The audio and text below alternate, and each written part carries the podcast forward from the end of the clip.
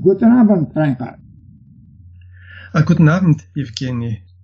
Äh, Reinhard, die ganze Welt hat, hat jetzt diese Coronavirus-Krise, äh, mhm. ja?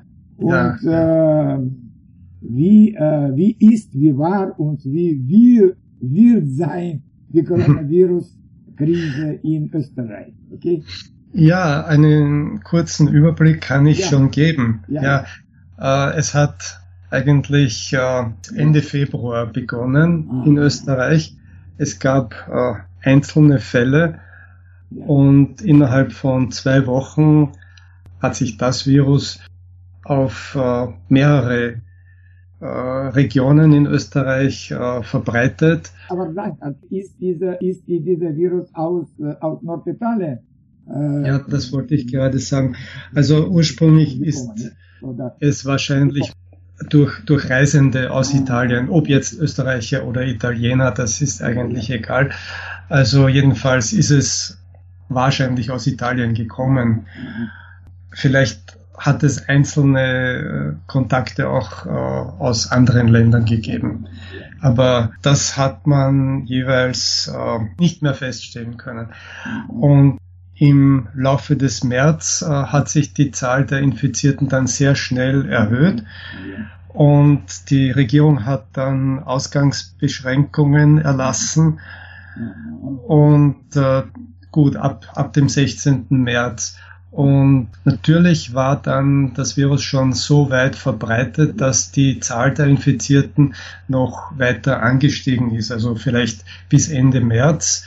Da hat es dann so Ende März, Anfang April einen Höhepunkt gegeben äh, mit bis zu 1000 äh, Neuinfizierten pro Tag.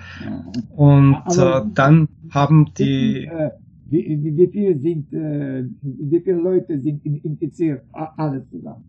Bis heute ungefähr 15.500.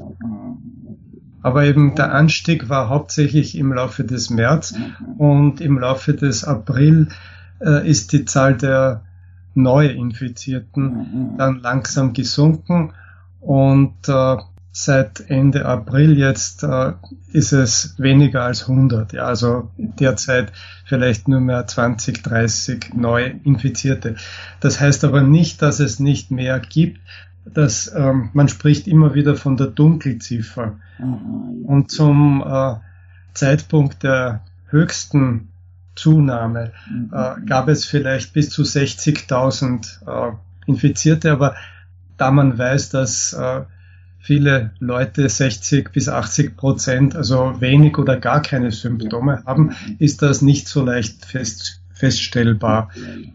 Man kann jetzt zwar testen, wer die Krankheit schon gehabt hat, aber es, es dürfte äh, eine geringe Zahl sein, so dass man auch in der Zukunft mit äh, einer möglichen zweiten Welle rechnen muss. Und, Aber äh, derzeit ist die Entwicklung sehr gut. Und äh, und vor allem waren die alten Menschen krank, oder? Ja, es ist natürlich, nein, also die äh, Infizierten ja. haben sich äh, hauptsächlich auf die, die älteren und, und den, die mittleren Altersgruppen mhm. verteilt. Ja, natürlich äh, hat es auch äh, jüngere Leute betroffen, mhm. aber die höchste Zahl äh, eher so zwischen 45 und, und 60 und dann eben auch noch äh, viele, die älter als 65 sind.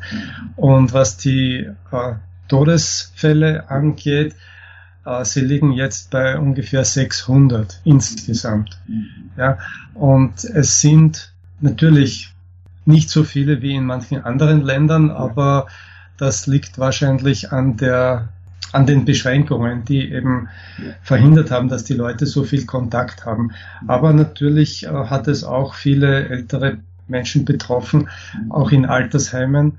Ja, und, äh, und insgesamt kann man sagen, jetzt äh, und wie, ist die Situation wie, wie besser. Die Situation jetzt äh, schon. Naja, äh, die, die seit, schon Anfang Mai sind alle Geschäfte wieder geöffnet. Ja, also dadurch, dass äh, eben die Menschen jetzt äh, Masken tragen, dass sie weiterhin Abstand voneinander halten müssen, nicht, äh, nicht sich in großen Gruppen irgendwo bei Veranstaltungen oder Partys treffen dürfen, ist das Risiko nicht so groß, aber man muss einmal abwarten. Ja, also es ist es ist noch nicht äh, vorbei und äh, wir können nur hoffen, dass über den Sommer das äh, so niedrig bleibt, würde ich sagen. Ja, gut, gut, danke, danke für, für, für deine Information. Hm, gerne. Und äh, ich wünsche dir gute Gesundheit. Das ist sehr Danke, dir auch. Ja. Danke. Tschüss. Tschüss.